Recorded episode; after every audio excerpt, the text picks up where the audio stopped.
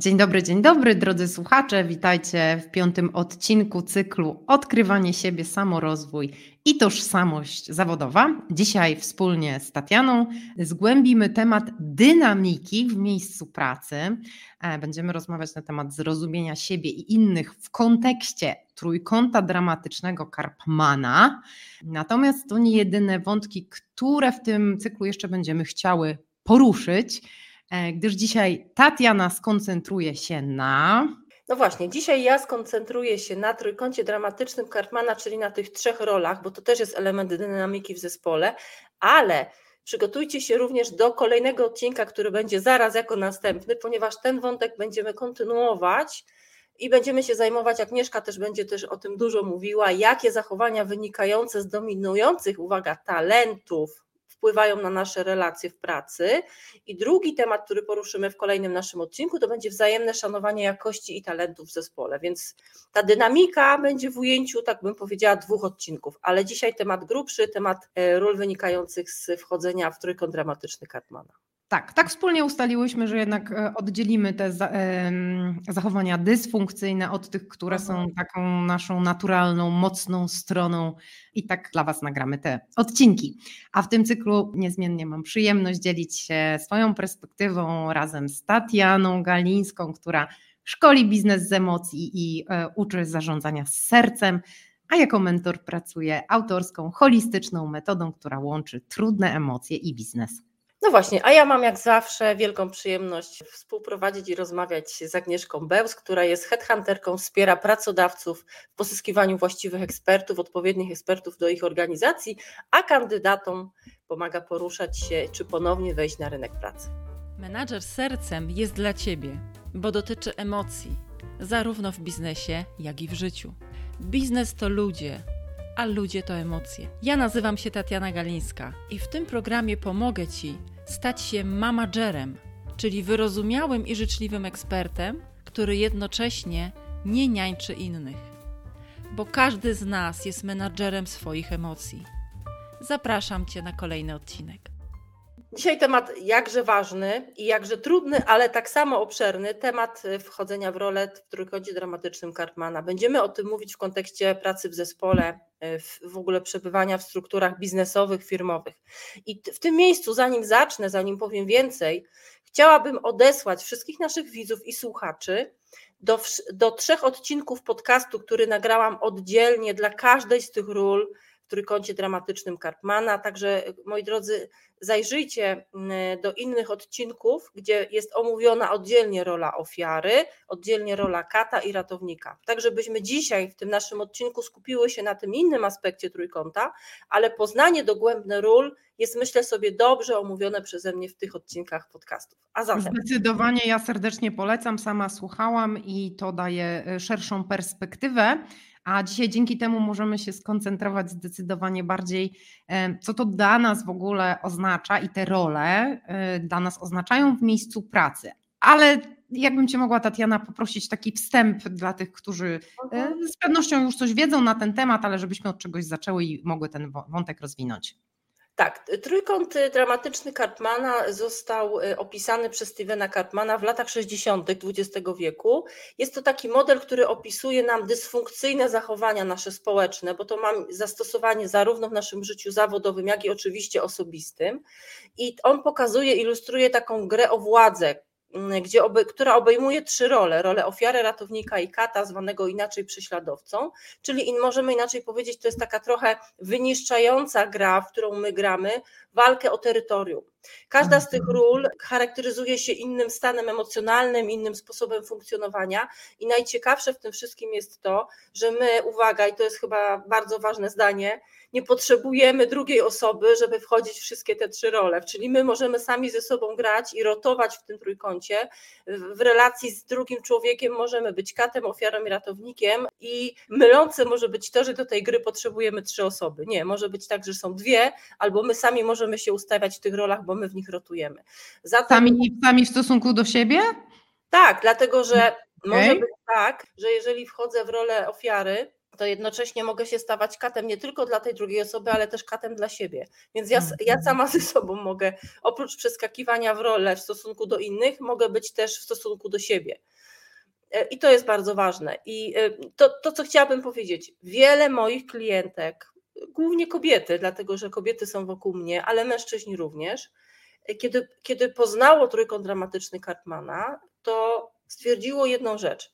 Wysłuchałam raz, nie dotarło. Wysłuchałam drugi raz, coś mi zaświtało. Dopiero przy trzecim razie nagle ktoś mi powiedział, wiesz co, kliknęło mi, zaskoczyło mi, zobaczyłam tam siebie, bo to nie jest takie ewidentne. Na początku jest to być, być może bolesne, że dowiem się, że moje schematyczne zachowanie to jest na przykład rola ofiary.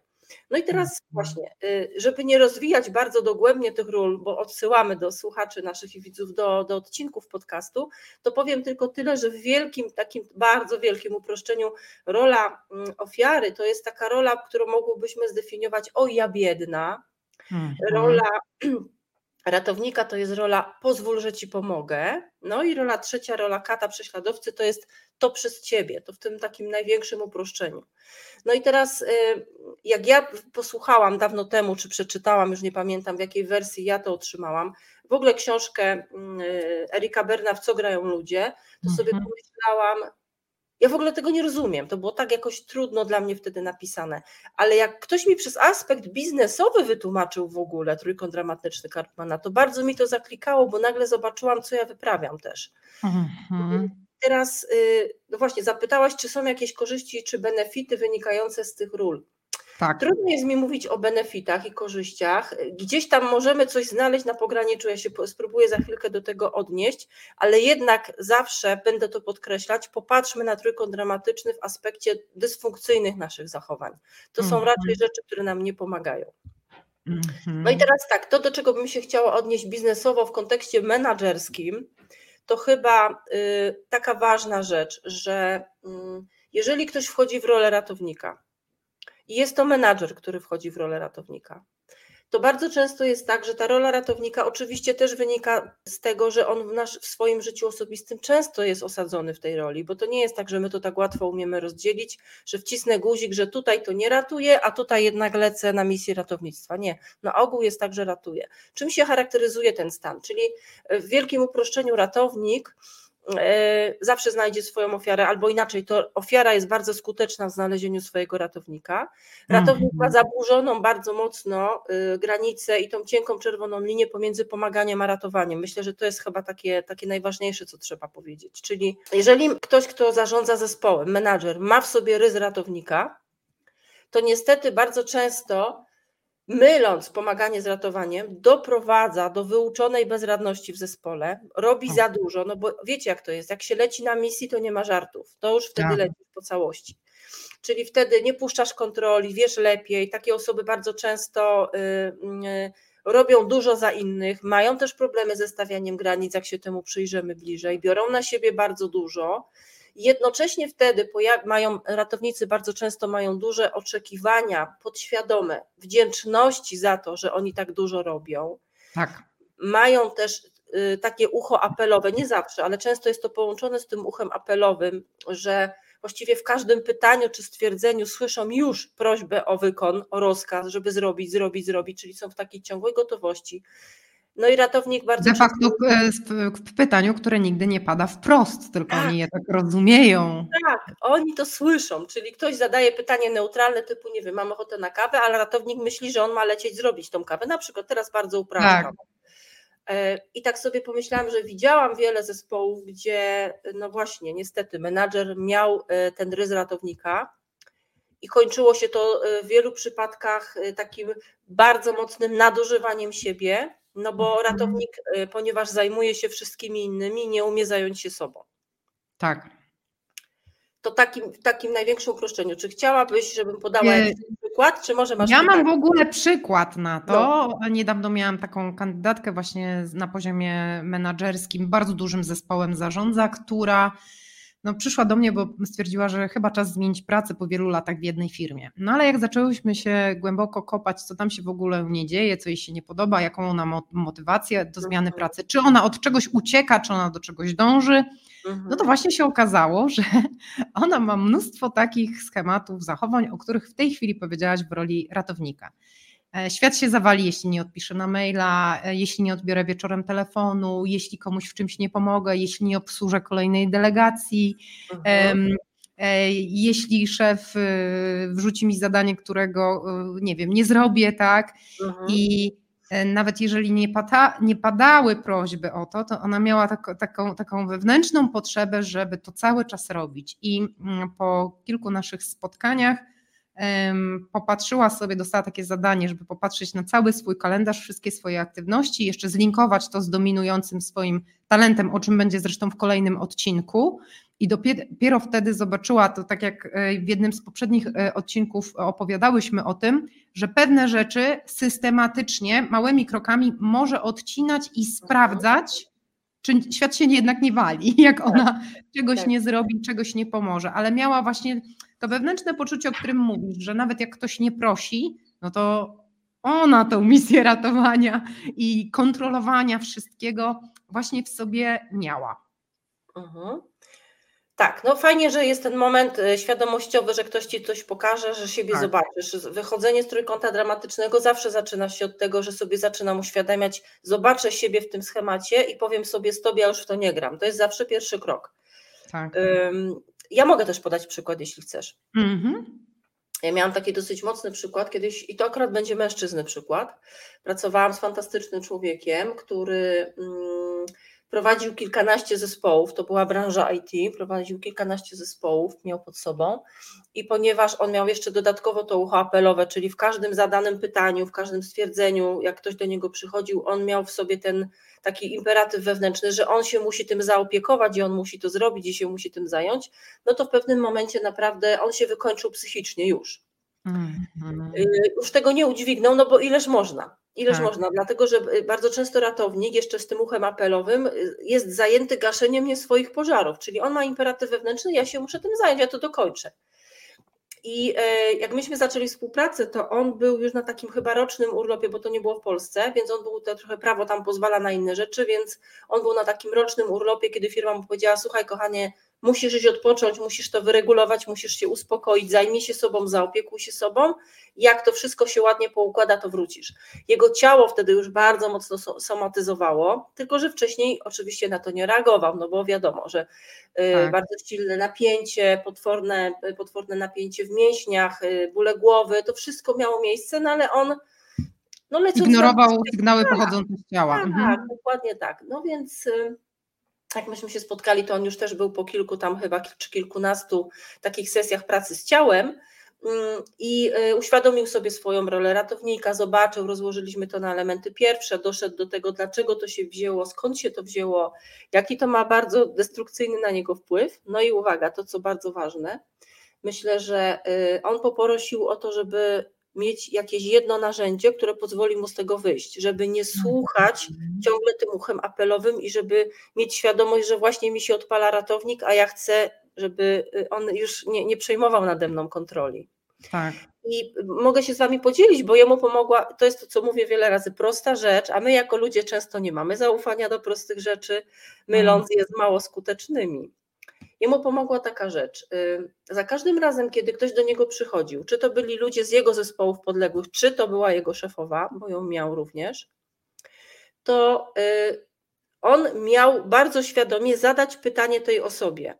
To była, to była prosta rzecz, ale ona, on powiedział, że jemu to rozwaliło system w sensie pozytywnym. Mhm. Za każdym razem, jak ktoś przychodził i zadawał mu pytanie, a był jakiś tam projekt, jakieś zadania, to on mówił jedną rzecz. Słuchaj, czy teraz jak mnie o to pytasz albo o tym gadamy, to chcesz, żebym się tym zajął? Coś mam z tym zrobić? Czy po prostu przyszłaś, czy przyszedłeś przegadać to? I mhm. okazywało się, że w 90% przypadków ludzie przyszli albo się dopytać, albo przegadać, a nie żeby on się tym zajął. No właśnie. I nagle się okazało, że on, odzyskałem i uwolniłem niesamowitą ilość czasu, energii i jakby takiego świeżego podejścia do pracy, że ja, że ja tutaj nie muszę no właśnie ratować. Tak, a przy okazji się też tak właśnie zwolnił z tej odpowiedzialności, tak, prawda? Tak, mhm. tak, dokładnie, zwolnił się. Oddał ją zresztą w odpowiednie ręce tych specjalistów, którzy do tak, niego przychodzili. Mhm. Tak, tak. Super. Także taki przykład. Świetne jedno narzędzie. To może tak w ramach e, podsumowania wątku tak? ratownika. Tak. To, to fajna instrukcja, prosta. Jeżeli czujesz, że ratownik Ciebie dotyczy, to można sprawdzić i poobserwować się, kiedy ktokolwiek do mnie przychodzi, mogę zadać świadomie jedno pytanie. Jakie, Tatiana? Pytanie, czy to, że teraz o tym gadamy, czy to, że teraz o to mnie pytasz, oznacza dla ciebie, że chcesz, abym się tym zajął czy zajęła, czy chcesz po prostu o tym porozmawiać, coś wyjaśnić? Czy mam coś z tym zrobić, tak? Czy mam coś z tym zrobić, Super. czy nie, jeszcze upraszczając, tak. Bardzo, bardzo fajna, prosta wskazówka, którą w życiu codziennym możemy ćwiczyć i w pracy, i w relacjach osobistych. Super, tak. mamy ratownika w takim układzie.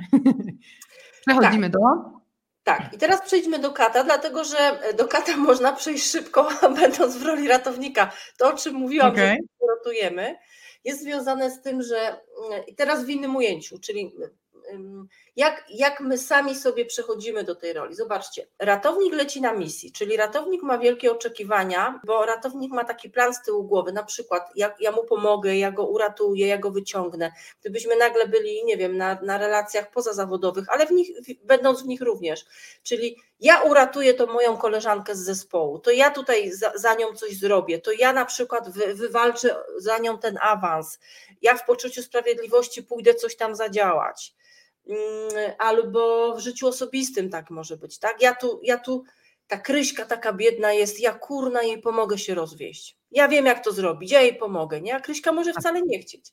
I teraz ratownik tak sobie lecąc na tej misji, z tyłu głowy ma zawsze oczekiwania.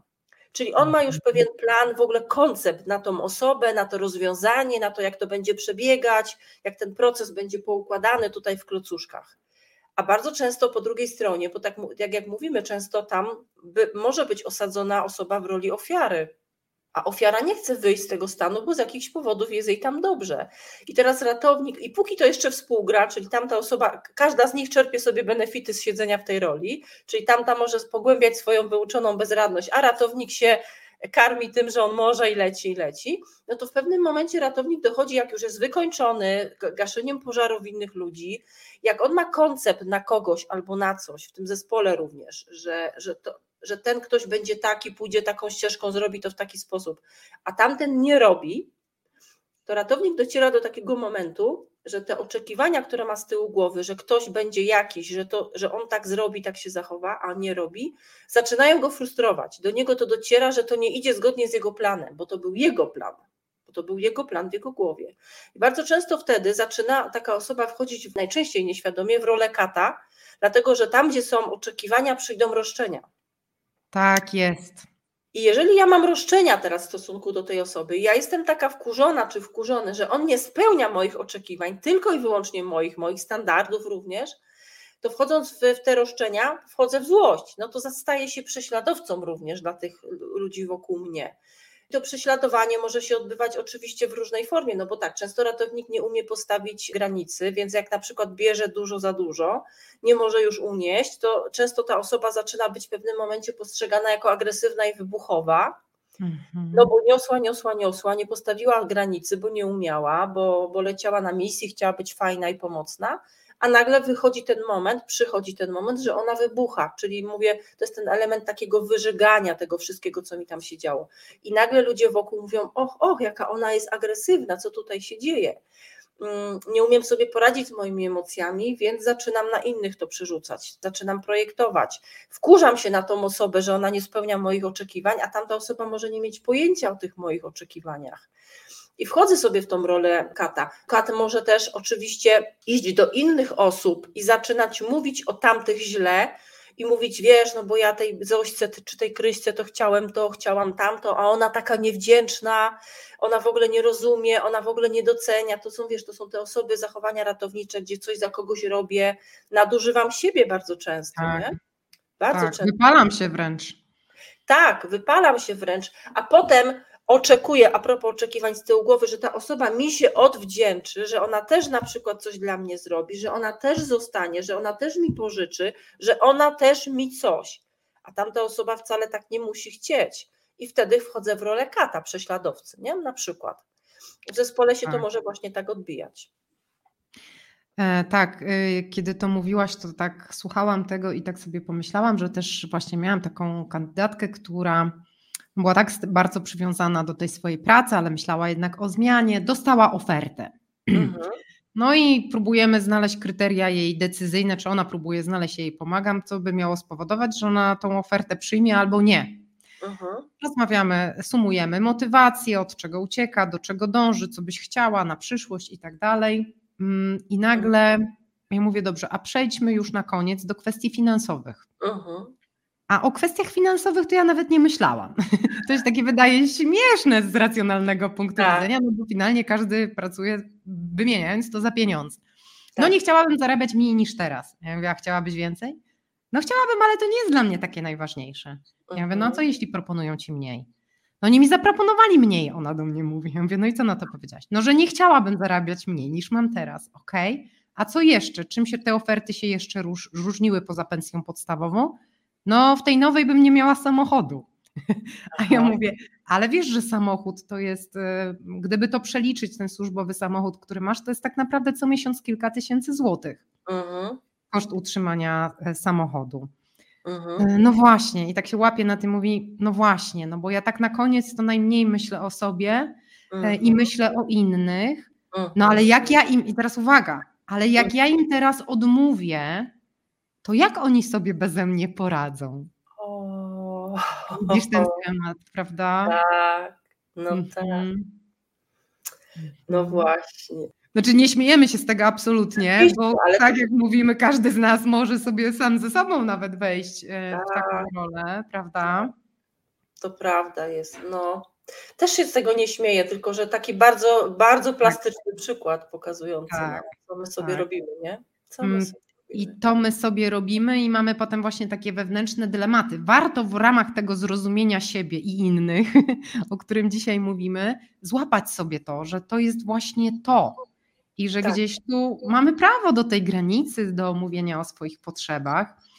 E, Z kolei te, e, ten schemat, który podałaś, jak ratownik przeradza się w kata, ja w środowisku zawodowym dosyć często widzę i tak Mhm. sobie myślę, nie wiem jaką ty masz na to perspektywę, że e, taki ratownik, e, nawet jak jest świadomym człowiekiem, czasami tak go coś wybije i będzie na tym autopilocie, o którym mówił, Mhm. mówisz, tak długo jechał, Mhm. że czasami wystarczy, żeby ktoś z zewnątrz, kto też ma taką świadomość, tak, z zespołu go na tym złapał, żeby on mógł z twarzą, tak po ludzku, też z tego wyjść, tak sobie myślę.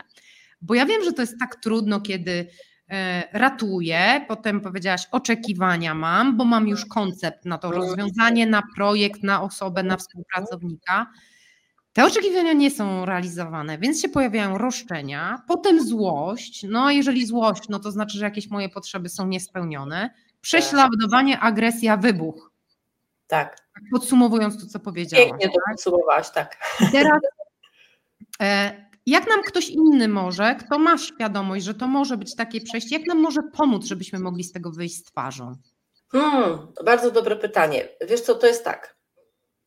Znowu wrócę chyba do tego, co jak ktoś słucha nas często, to powie, że ja gadam w kółko jedno i to samo, ale to ma znaczenie, bo to wszystko zaczyna się w nas, czyli jeżeli ja jako osoba, Tatiana Galińska czy ty Agnieszka Bełs, jesteśmy osobami otwartymi na feedback, to znaczy, że ktoś, kto, kto podejdzie z boku, powie mi coś, bo zobaczy u mnie jakiś schemat. Ja w tej otwartości przyznam, powiem, o Jezu, dzięki, że mi mówisz, bo ja tego nie widziałam, naprawdę tak robię, no to wtedy jest cudownie.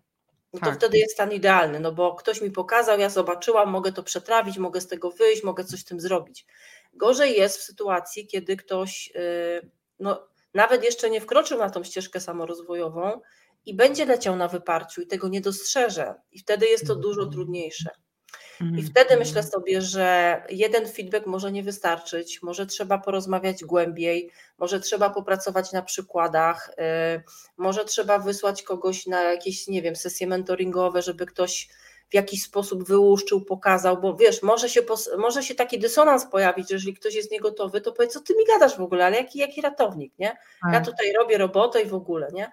Więc myślę sobie, że to w dużym stopniu ułatwieniem będzie to, że w zespole, czy my też osobowo, jako pojedyncza, każda osoba z nas, ma w sobie otwartość na feedback. Mm -hmm. Ja to tak widzę. -hmm.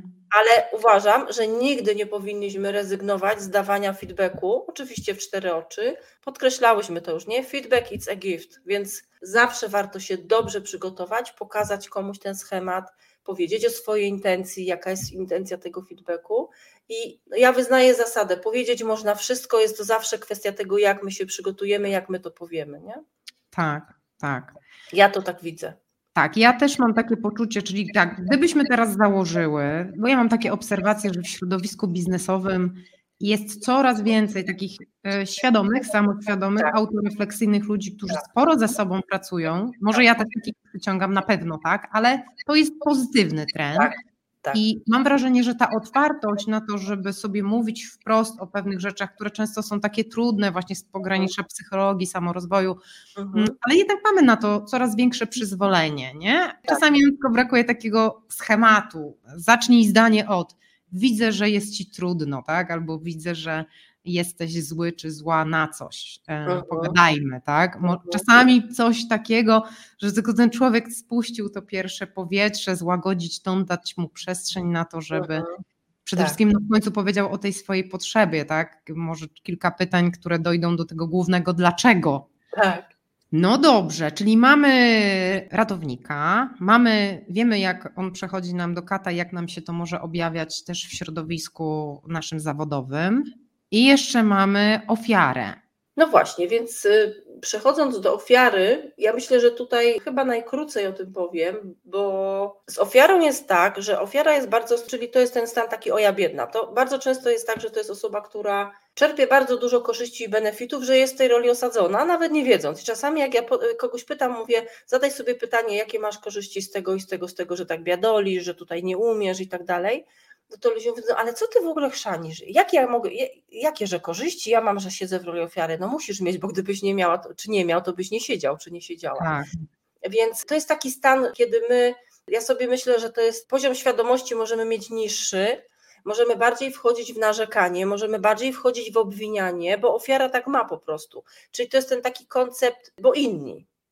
Albo mhm. ofiara często takie, kiedyś miałam taką, takie dwie czy trzy klientki, podobne, podobny schemat funkcjonowania miały, czyli ofiara będzie zawsze doskonała w, w znalezieniu wymówki, żeby czegoś nie zrobić, żeby do czegoś nie stanąć, no bo znajdzie u siebie, czyli e, pamiętasz w którymś odcinku mówiłyśmy, że możemy trafić na osobę, która powie, wiesz co, ja nie umiem tego i tego, o, ale się chętnie nauczę. Tak. Pamiętasz? Tak. A ofiara co zrobi? A ofiara powie, ale ja nie umiem. I, to, I tam jest mhm. koniec, i tam już umieramy w tym. Tam już umieramy tak, w tym. Że ty dasz radę, taka osoba jak ty to by dała radę, ale ja tak. nie.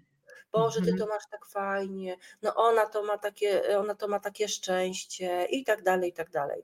E, ludzie to mhm. mają tak, no to są bardzo często takie, mm, takie. No właśnie.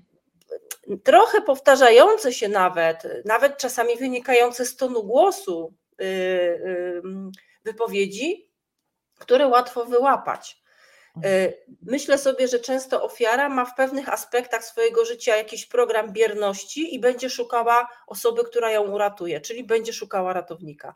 Dlatego, jeżeli trafia na ratowników, a często te osoby są dosyć skuteczne w, tym, w tym szukaniu, to paradoksalnie pogłębiają swoją wyuczoną bezradność w jakichś tam aspektach swojego życia.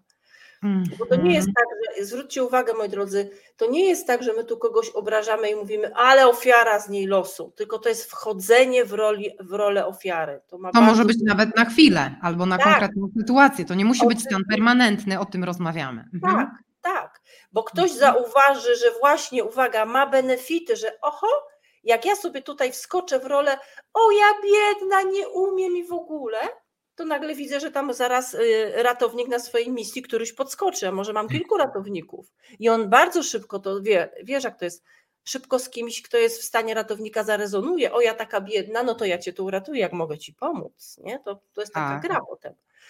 Mm, wiesz co, ja, ja widzę często, y, chyba częściej właśnie widzę przejście, że y, w takich sytuacjach zawodowych w zespołach, to często klienci, menadżerowie mi o tym opowiadają, tak? Czyli mamy osobę w zespole, która wchodzi często w rolę ofiary, często to się objawia e, na takiej zasadzie, że ofiara mówi na przykład do swojego szefa albo współpracownika, ty masz na przykład niezbyt wysokie oczekiwania, ja tak nie potrafię jak ty. A szef jej mówi, ale ja nie oczekuję, że to zrobisz tak jak ja na przykład, tak? Mhm. Ale to ja muszę to przemyśleć, to ja potrzebuję na to więcej czasu, a ja tak tego nie umiem wymyślić jak ty. Mhm. I cały czas bardzo in, teoretycznie inne rzeczy są mówione, ale jest ten sam schemat, tak? tak. I potem tak. pojawia się albo właśnie ten szef, i to też jest z Twojego przykładu, albo inny współpracownik, który to ja Ci pomogę, zrobimy to razem i zaczyna się współpraca mhm. i wszystko jest ok. Jeżeli ta ofiara miała tylko takie chwilowe wejście tak. w ten stan, pogorszenie nastroju, tak to nazwijmy, tak. i to powoduje, że ją to wyciągnie ten, ten mhm. ratownik i polecą razem i dalej już lecimy tak. ramię w ramię, wszystko jest ok. Mhm. Ale jeżeli nie, to rzeczywiście widzę, że tak. Ratownik zaczyna w tym zespole pracować za tą ofiarę. Tak. Frustruje się, bo jego zadania leżą albo są w gorszej jakości lub w niedotrzymanym terminie zrealizowane. Zaczyna się w związku z tym pretensja do tej ofiary. Tak. Bo ja ci tak pomagam, a ty to co? Mogłabyś się ruszyć albo mógłbyś się mhm. ruszyć, nie? I mhm. zaczyna się, nie daj Boże, jeszcze większa nagonka w zespole, bo ona zawsze, a on nigdy i tak, tak dalej, prawda? Tak. I nagle następuje już taki wybuch, no bo już jest tyle tych roszczeń, tyle tej złości, agresji, no że w końcu musi ten wulkan odparować, tak? Tak, tak. I jeszcze przy, teraz, jak mówisz, to tak podsumowując rolę ofiary, to jest jeszcze taki jeden koncept, który się często pojawia. Ja go wyłapuję, mam dosyć, y, myślę sobie, jakoś tak ucho na to wyczulone. Y, zwróćcie proszę też na to uwagę, czy u siebie, czy u innych też, że często ktoś, kto siedzi w roli ofiary, myślę sobie, że też nieświadomie, czyli wskakuje w, tak. jakąś, w jakiś tam wycinek tego bycia w roli, to posługuje się takim konceptem, no tak, ale. I to jest mhm. pozamiatane. I teraz, czy to mhm. będzie Twój przełożony, czy to będzie Twój mentor, czy to będzie Twój partner, y, przyjaciółka, kogo byśmy tam do wzoru nie podstawiły, to ta osoba, możesz dać jej 10 rozwiązań i ona na każde z nich powie, no tak, ale. I to jest wykańczające. I jeżeli tej osoby nie skonfrontujemy z tym zachowaniem, nie pokażemy jej, ej, zobacz, masz taki program, na 10 moich przykładów, które ci tutaj, czy podpowiedzi rozwiązań dałam, to i tak znajdujesz 10 ale, to my dalej nie pójdziemy. To też może być wynikać z osadzenia w roli ofiary, bo ofiara znajdzie wymówki. I właśnie, jak z tej roli Tatiana wyjść? To znaczy, załóżmy, że jednak nasi słuchacze są świadomi i mm, mogą się teraz pobawić w życiu po wysłuchaniu tak. tego odcinka i zacząć obserwować, kiedy miewam takie sytuacje, że wchodzę w, w rolę ofiary w stosunku do samego siebie, samej siebie lub w stosunku do innych. No i dobra, wychwytują to i wiedzą już, że to jest taki schemat bezradności, tudzież powtarzania zdań. No tak, ale. Mhm. I teraz, dobra, złapałam to Tatiana tak powiedziała, że jak już mówię po raz piąty, no tak, ale to znaczy, że jestem chwilowo przynajmniej w roli ofiary. I co ja teraz mogę zrobić, żeby z niej wyjść? Wiem, no ja myślę, że chyba nic nie powiem odkrywczego, ale może będzie to odkrywcze dla kogoś, kto nas no pierwszy raz słucha, a dla mnie to już jest y, jakby no rzecz, którą, którą ja, ja, ja ciągle podnoszę i szlifuję. Powiedzmy to Agnieszka, świadomość rozpoczyna proces zmiany. Tutaj nie, nie podamy jakiegoś takiego wielkiego, super cudownego narzędzia, ale y, trzeba mieć po pierwsze, świadomość, tak, zobaczyłam siebie, usłyszałam, że to o mnie, widzę, że tak mam. Na początku będzie opór, może ktoś się wkurzy, że, że nas usłyszał, obserwujmy tą reakcję, ale jeżeli ja mam świadomość tego, że to, że to jest o mnie, to to jest pierwszy, najważniejszy krok, którego ludzie nie doceniają, bo czasami ludzie, moi klienci mówią, czy klientki, słuchaj, ja już zauważyłam, że mam tak, tak, tak i tak. Ja mówię, no właśnie, i to jest, to jest krok milowy, bo ty już to zauważasz, bo kiedyś żyłaś w słodkiej nieświadomości, a teraz już to widzisz. Krok następny, zacząć coś z tym robić. I ten krok następny to jest to wychodzenie, o czym mówi też Dispenza, tak? To jest wychodzenie z autopilota emocjonalnego. Czyli teraz podejmuję decyzję, nie zachowam się, tak zachowam się inaczej. Z pierwszego mhm. mojego kroku, z kroku świadomościowego wynika, ok, widzę, że to robię, a moja odpowiedzialność w mojej ścieżce samorozwojowej, w tym moim procesie wyłażenia z tych wszystkich ról, wyłażenia z gierek, samooszukiwania siebie, mówi, to teraz podejmuję decyzję, że ja zrobię inaczej. Czyli zaczynam na przykład siebie inaczej nazywać, jak na przykład, nie wiem, nazywałam siebie jeżeli jestem, nie wiem, ciotka Klotka, to już przestaję sobie mówić ciotka Klotka, tylko używam innego zamiennika. Tak samo tutaj. Widzę, że chciałabym powiedzieć, no masz rację, tak, masz rację, ale to się zatrzymam i już tego nie zrobię. Jeżeli miałam tendencję na przykład do nieumiejętnego przyjmowania komplementów, umniejszania sobie, ktoś mi mówił, słuchaj, zobacz, świetnie to zrobiłaś, albo ale ładnie wyglądasz, albo coś tam, coś tam, a my mówiliśmy, a no dziękuję i coś tam, coś tam, to się łapiemy na tym, że mówimy dziękuję, kropka i już. I już. Jeszcze mogę powiedzieć, bardzo mi miło. A na przykład, o jaką masz super marynarkę. O, dziękuję Ci, też ją bardzo lubię. Kropka. I już nie ma tego scenariusza, nie ma ciągnięcia tych ogonów. Wiem, że być może niektórzy ludzie potrzebują jakiegoś bardzo konkretnego narzędzia, typu podstaw do wzoru, zrób tak, tak i tak, ale ja tutaj widzę taki schemat. Najpierw świadomość, zobaczyłam tam siebie, a potem w ramach mojej świadomości wyłażę z autopilota, wchodzę w decyzję, teraz to zrobię inaczej, bo już zauważyłam, że to odgrywam znowu. Tak. Ja też mam taką obserwację, że jak kiedy pracuję z moimi klientami, kandydatami w ich zmianie, to najlepsze rezultaty daje sama świadomość, że zaczynają się w życiu obserwować w tych aspektach, o których rozmawiamy, i jak to już złapią, tak. słuchajcie, to się i tak dzieje magia, to się trochę samo tak dzieje, bo tak. już to jest złapane. I tylko samo łapanie tego powoduje, mhm. że i tak zaczyna się proces zmiany. Tak. Czasami zamilknę i tego nie powiem, co bym normalnie powiedziała. O. Prawda? I to też już tak. jest jakiś mały krok. Czasami pójdę krok dalej i podziękuję za coś. A czasami po prostu zatrzymam swoje myśli w biegu i nie będę działać pod wpływem emocji. I to też jest super, nie? Dokładnie. Albo na przykład nie umiałam stawiać granic, ale zaczynam się uczyć i teraz ją postawię. I na przykład zacznę robić świadomie, zamiast się wycofać i coś tam powiedzieć, no tak, oczywiście, i, i się potem wkurzać i być totalnie niespójna ze sobą, to mogę powiedzieć, wiesz co, mam taką zasadę, że na przykład już. Dokładnie. To jest bardzo ważne zdanie, takie wprowadzające. Jakby ktoś chciał tak, taki jeden początek zdania. Mam tak. taką zasadę, że. Uwielbiam go, uwielbiam. E, bo to jest ta umowa z samą sobą i ciężko tutaj mówić, że to są jakieś emocje czy cokolwiek innego. Nikt tego nie jest w stanie podważyć, tak. jeżeli to jest Twoja zasada, prawda? Tak, tak. Więc polecamy serdecznie. Tak, podsumowując króciutko kwestię ofiary i takiego dysfunkcyjnego zachowania, w które zdarza nam się czasami wchodzić, no to co? To poznamy ją po bierności, po bezradności i po programie ale. Po programie ale, albo też tym takim nie umiem, trudno, ojej, ojej, no tak, po tym Tak. Mhm. Czy my możemy tak patrząc na te wszystkie trzy role, no bo troszeczkę sobie porozmawiałyśmy, jak można to zauważyć, jak można to obsłużyć, jak można z tego wyjść, a jeszcze mnie ciekawi jeden wątek. Co jeśli robimy to sami w stosunku do siebie? Bo powiedziałaś, że możemy te trzy role na samym mhm. początku mhm. sami w stosunku do siebie przechodzić. Czyli ja to rozumiem tak. Nagle ja, jako ja, myślę sobie, o ja biedna, tak mi dzisiaj źle.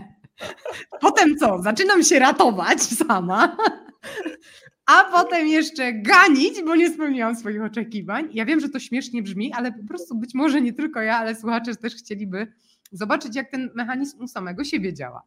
Myślę sobie, że chyba najbardziej będzie widoczne przeskakiwanie, jeśli chodzi o samego siebie, to pomiędzy, pomiędzy jedną a drugą rolą, czyli na przykład najpierw y, siedzę w roli ofiary, czyli y, no wchodzę w głęboki stan użalania się. Oczywiście pamiętajmy, każdy z nas ma taki dzień, że sobie tak, chciałby chwilowo ponarzekać. Nie mówimy o takich sytuacjach. No, po to czasami dzwonię do mojej przyjaciółki, że słuchaj, muszę się wygadać, bo coś tam, ale mija 20 minut, wygadałam się, dzięki, że mnie wysłać. To nie mówimy o tym. Mówimy tak. o tym wchodzeniu w takim rolę o ja biedna, tym narzekaniu, takim y, maraźmie, maraźmie i tak dalej.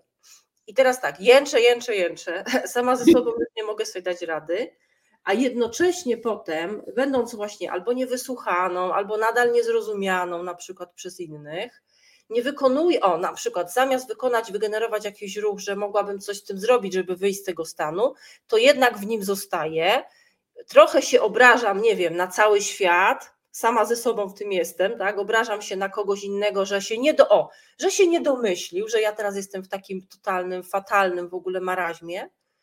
Obrażam się sama na siebie, na innych, że tego nie zrobili, cały czas będąc swoim, jakby swoim wnętrzu pozamykana i zaczynam siebie katować. Czyli przeskakuję do roli kata, czyli katuję też samą siebie, że jestem beznadziejna, że nie umiem ruszyć do przodu, że nic mi się nie udaje. Wrzucam sobie, wiecie jak to jest. Jak nie mam motywacji do działania. Tak, tak. Ale to mogę przeplatać znowu z tym, no ale świat jest taki beznadziejny, nikt mi nie chce pomóc, no ale znowu wchodzę w rolę kata, no ale przecież nie zrobiłam tego, tego i tego, a gdybym zaczęła rok temu, to już bym była, gdzie ja bym już była, jakbym zaczęła rok temu. I tak. tak w kółko, i tak w kółko. I możemy sobie w tych ro dwóch rolach tak przeskakiwać, biczować siebie. I teraz bardzo często jest tak, że ja odsyłam moich, może też już mówiłyśmy o tym i myślę, że teraz też to powiem. Nagramy odcinek o sabotażystach wewnętrznych, bo to nam tutaj się do tego dosyć mocno przykleja. Jak pracujemy z wewnętrznymi sabotażystami, to sami sobie możemy zobaczyć, że jesteśmy dla siebie najokrutniejszym sędzią. Nikt nas tak nie wystrzela po pysku, jak my siebie samych, wiele razy. W to mhm. biczowanie wchodzimy, wtedy stajemy się dla siebie katem również. No. Mhm. Dobra, to mamy to. Zapisuję, że taki odcinek mamy nagrać. Na koniec, może to nie jest powiązane z trójkątem dramatycznym Karpmana, ale to mnie bardzo ciekawi, bo to często można zaobserwować w środowisku zawodowym. Głównie, to znaczy nie widziałam y, mężczyzn, którzy to robią, ale bardzo często widziałam kobiety, które to robią. Uwaga, płacz. Mhm. I teraz pytanie, skąd ten płacz się dzieje? Bo on jest na pewno dyskomfortowy dla osoby, która to obserwuje. On się może pojawiać w różnych sytuacjach. Ja widziałam i takie, kiedy ktoś płakał, bo dostawał feedback na temat na przykład wyników swojej pracy, no to okej, okay, może być mu z tym trudno, bo są negatywne, ale widziałam sytuację, że ktoś płacze, kiedy dostaje też pozytywny feedback, to znaczy płacze, no wiesz, pojawiają się łzy, gdzieś tam z tyłu są grube emocje. Albo kiedy rozmawia się o renegocjacji podpisania umowy na kolejny okres. Albo kiedy koleżanka nie spełniła moich oczekiwań, a w zespole współpracujemy i nasza praca nawzajem od siebie zależy i tak mi tu podchodzi wszystko i zaczynam płakać. Czy to jest powiązane też wchodzeniem w tą rolę ofiary, czy po prostu z nieumiejętnością postawienia granicy, czy wyrażenia siebie? Skąd w takich bardzo różnych sytuacjach pojawia się ten płacz? Takie wiesz, podchodzenie łez do oczu. Wiem, powiem tak. Temat płaczu, temat emocji, który się pojawia, jest tematem tak szerokim i tak głębokim, że uważam, że powinniśmy przeznaczyć na to zupełnie oddzielny odcinek, bo ja teraz się nie rozwinę, bo bym musiała chyba przez kolejne pół godziny o tym mówić. A to jest aspekt bardzo ważny. Ja sama tak miałam, zanim, zanim mm. zaczęłam prowadzić swoją firmę, siedziałam jako pracownik do biurka przykuta, więc byłam po drugiej stronie tej barykady, byłam też pracownikiem i to jest temat naprawdę bardzo głęboki i chciałabym to rozwinąć w zupełnie oddzielnym odcinku. Fantastycznie, to tak też zrobimy. On mnie też bardzo ciekawi. Chciałabym zrozumieć te zachowania, też jako z perspektywy menadżera. Tak. Nauczyć się takie zachowania też obsługiwać, bo myślę, że tak. wielu menadżerów ma z tym dylemat, co ma zrobić, bo czy przekazuje bardzo dobrą informację zwrotną, czy jakąś trudniejszą, no de facto efekt jest taki sam. Nie wiadomo, czy tego człowieka przytulić ma, tak. Czy tak. ma poprosić, żeby się uspokoił i umówić tak. się jeszcze raz na spotkanie, ale nie zawsze to, to coś pomoże. Więc dobrze, dziękuję Tatiana. Chętnie będę Cię pilnować, żebyśmy również tak. taki odcinek nagrały. No to super. To chyba w tym odcinku mamy wszystko, jeśli chodzi o trójkąt dramatyczny Karpmana i ciekawe sytuacje z życia zawodowego, w którym możemy to sobie zaobserwować. E, tradycyjnie zachęcam naszych widzów i słuchaczy podcastu, e, jeżeli macie jakieś pytania, przychodzą Wam ciekawe sytuacje z życia zawodowego do głowy, którymi chcielibyście się z nami podzielić, to można zarówno na kanałach naszych YouTube'owych w komentarzu to napisać, jak i w wiadomościach prywatnych na LinkedInie. Zapraszamy serdecznie. E, zawsze jak do nas piszecie, ciekawe wątki wyciągamy i potem poruszamy je w naszych kolejnych nagraniach, bo tę przestrzeń tworzymy dla Was. No a w dzisiejszym odcinku to już wszystko. Dziękuję Ci, Tatiana, za bardzo cenną rozmowę. Mam nadzieję, że dzisiejszy temat pomoże wielu z Was spojrzeć na te zachowania dysfunkcyjne z trójkąta Kartmana z innej perspektywy i tego Wam serdecznie życzymy. Ja również bardzo dziękuję. Zapraszamy do kolejnych odcinków. Myślę, że jeszcze tematy będą pączkować z tego, co widzę. Tak.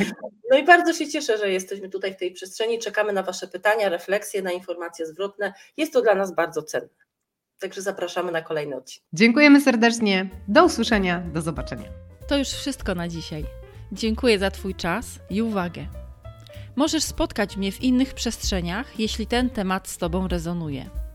Możesz czytać moje publikacje na LinkedInie z hashtagiem bez kija w tyłku. A także możesz odwiedzić moją stronę tatianagalińska.pl. Znajdziesz tam więcej informacji o warsztatach Menadżer Sercem. Do zobaczenia, Tatiana.